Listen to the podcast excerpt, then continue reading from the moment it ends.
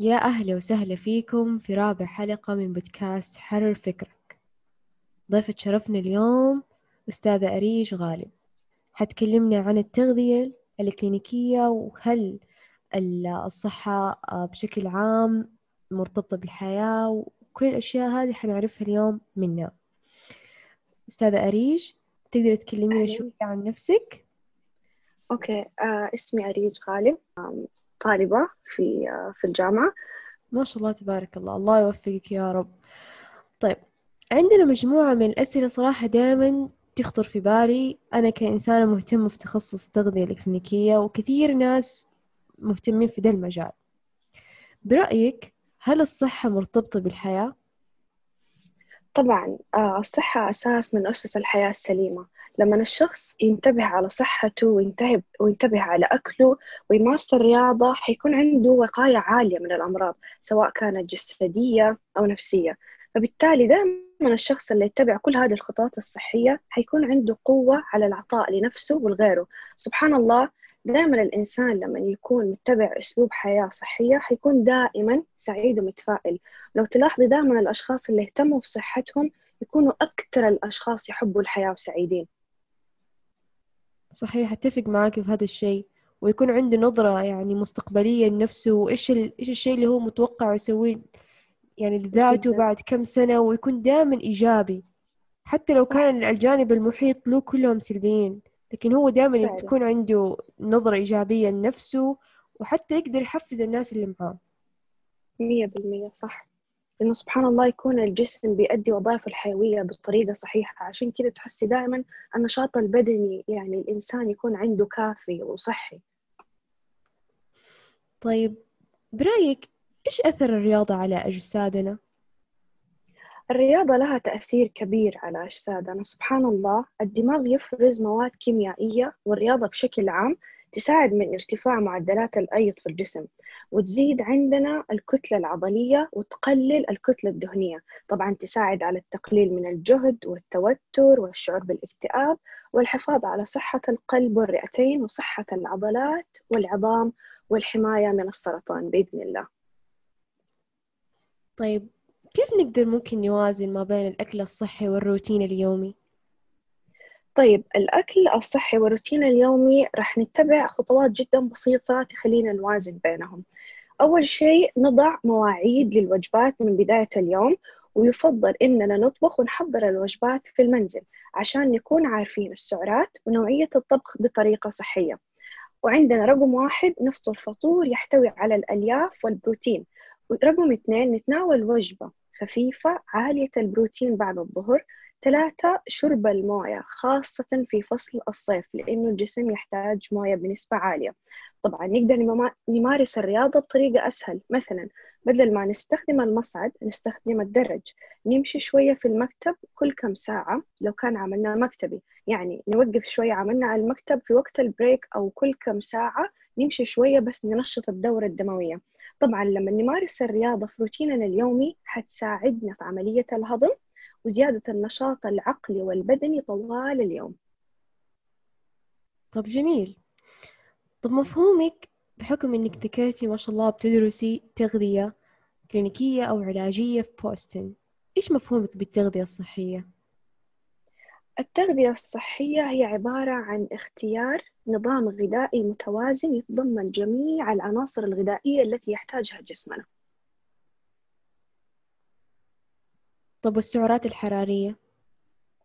السعرات الحرارية هي بشكل عام وحدة الوحدة اللي نقيس فيها الطاقة وعادة يتم استخدامها في مجال التغذية لقياس الطاقة المستمدة من الأطعمة والمشروبات. فدائما لازم الإنسان يأكل الاحتياج والسعرات الحرارية التي يحتاجها فقط عشان لو استهلك السعرات يعني الغير آه، جسمه بحاجة إليها راح يتم عنده إيش؟ زيادة الوزن اللي هي الأوفر ويت طب كيف لو مثلا إنسان يبغى يعرف كيف يقيس السعرات اللي هو يحتاج يأكلها والسعرات اللي ما ما يأكل أكثر من احتياجه اليومي؟ طيب أول حاجة لازم نعرف إيش الاحتياج اللي جسمنا يحتاجه. طبعا آه، أول حاجة هذا الشيء لازم نقابل فيه أخصائي تغذية أو أخصائي تغذية لأنه طبعا يختلف آه، هذه يختلف الاحتياج من شخص إلى آخر. طبعا كيف نقدر نعرف هذا الشيء؟ أول شيء لازم كل الأكل اللي ناكله يكون أطعمة صحية مية بالمية ويكون طريقة طبخها برضو صحية. كيف نقدر نحدد كمية السعرات؟ طبعا عندنا تختلف على حسب زي ما قلت تختلف من جسم إلى جسم. تختلف على حسب أشياء كثير. أول شيء وزن الجسم طوله العمر والجنس ونشاط الجسم. طبعا عندنا المرأة بشكل عام تحتاج ل 2000 سعرة حرارية في وزنها الطبيعي. لكن إذا تبغى تنزل وزن راح تحتاج إنها تنزل 500 من ال 2000 فحتصير لازم تاكل في اليوم 1500 سعرة حرارية.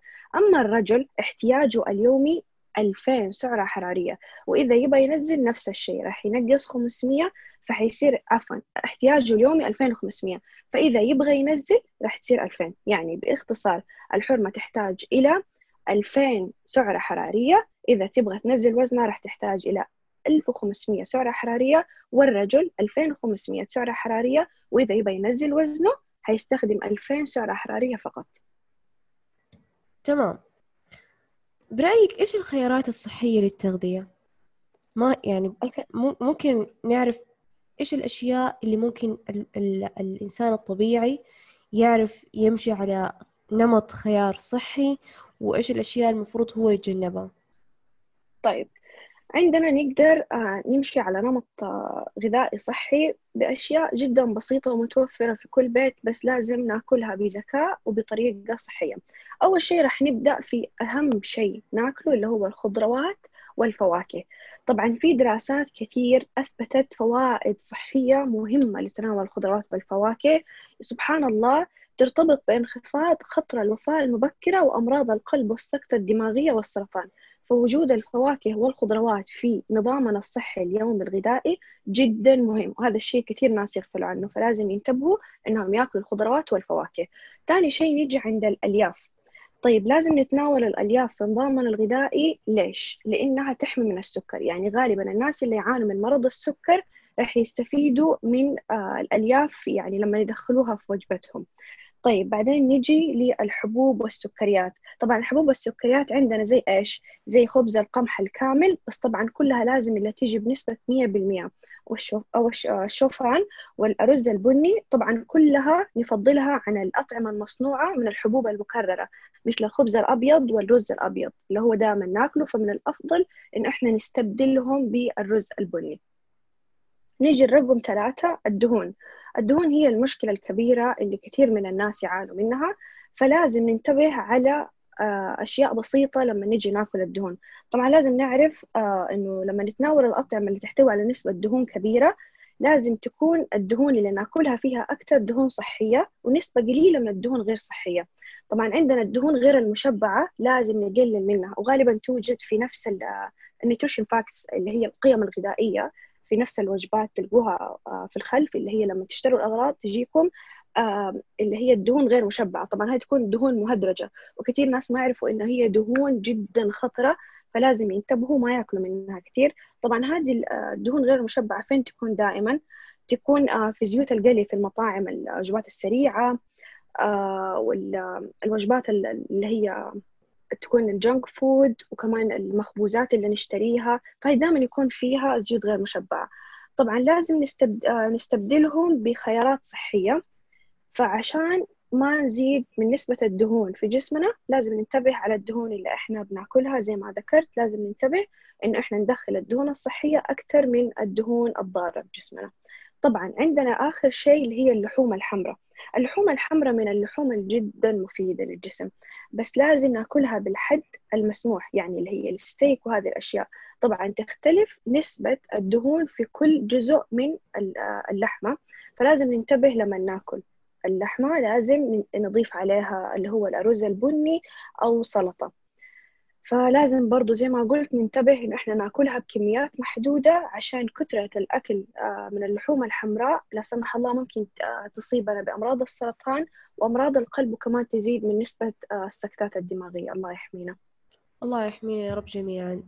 بحكم إنك ذكرتي عن الزيوت المهدرجة أغلب المنتجات ما بيكتبوا عنها إنه فيها نسبة زيوت مهدرجة. طب كيف ممكن الواحد يعرف؟ هي تجيكي ورا آه، تكون آه، الدهون آه، تجيكي في آخر شيء تكون مكتوبة دهون مشبعة. تكون الدهون المشبعة واحد جرام. فأفضل دائما لما عارفة الحقائق الغذائية مثلا لما تشتري شيبس أو أي حاجة لما تشوفيها ورا هذه الحقائق الغذائية حتكون عندك تيجي تشوفي كلمة الدهون المشبعة. فلازم تنتبهي للنسبة القيمة اليومية تكون تحت عشرة لا 10% لازم تكون الدهون المشبعة. هذه هي الدهون المهدرجة. ولو كانت أكتر أكتر من كده معناته هذه فيها تسبب إلى سمنة أو أو من ذلك أيوة. من أمراض. صح. تزيد نسبة الخطر بالأمراض. تمام. إيش حابة توصي رسالة لكل الأشخاص اللي مهتمين في التغذية العلاجية أو الكلينيكية؟ وهل أصلا في فرق ما بينهم ليش دائما الناس بيقولوا تغذية علاجية هي نفسها التغذية الكلينيكية طيب آه. شوفي أنا أعرفها أكثر بالإنجليزي بس ححاول أشرحها بالعربي لأنه تعرفي مسميات التخصصات عندنا وفي عند في أمريكا وفي السعودية تختلف بس غالبا بشكل عام التغذية ال clinical nutrition والتغذية العلاجية هم نفسهم بنفس التخصص بس إيش المشكلة؟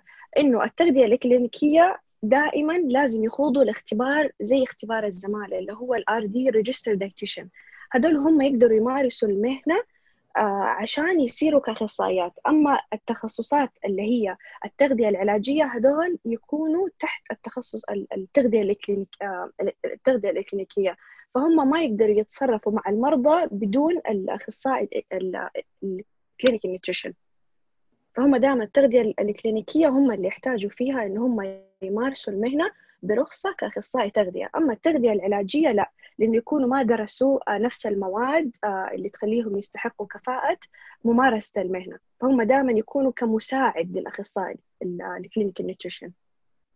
يعني تقريبا يكونوا مكملين لبعض. بالضبط. التخصصات الصحية كلها بشكل عام يكملوا بعض. تمام. آه قبل الختام آه أي عبارة حابة تختميها توصليها للناس عن تخصصك أو عن شيء أنت مهتمة فيه له عن التغذية توعية الناس عن المجال هذا مرة. يعني بالذات إنه آه زي ما قلتي إحنا في فصل الصيف وكثير ناس للأسف بتقلل من شرب الموية أو السوائل بشكل عام. إيش حابة توجهي رسالة كذا لهم لعامة الناس؟ طيب أول حاجة أنا دائما أقول لكل شخص أنا أمسكه كحالة مرضية أحب التغذية. التغذية من من العلوم الطبية اللي جدا جميلة. لما إحنا نتعامل مع التغذية كروتين يومي راح يكون عندنا ممارسة سهلة جدا للرياضة واكلنا الصحي حيكون أنظف وأسهل وما حتحسي إنه انت مجبورة تاكلي. فدائما كلوا بكميات محدودة وبالعقل هذه نصيحتي الدائمة. لا تتبعوا الأنظمة الغذائية والدايت اللي يكون فيه له حرمان آه ولازم انت تاكلي هذا وتقللي من هذا وتسوي من هذا لأنه سبحان الله الجسم دائما يكون متعود على الأكل. فلما في ناس كثير تيجي تبى تنحف تقول أنا خلاص اليوم حوقف الكربوهيدرات أنا اليوم حوقف الدهون. تبى تحرم جسمها من كل شيء. طب معلش الجسم يفهم. لما أنت تحرميه من احتياجاته ما راح يؤدي وظائفه بطريقة صحيحة. فلازم الناس ينتبهوا على هذه النقطة.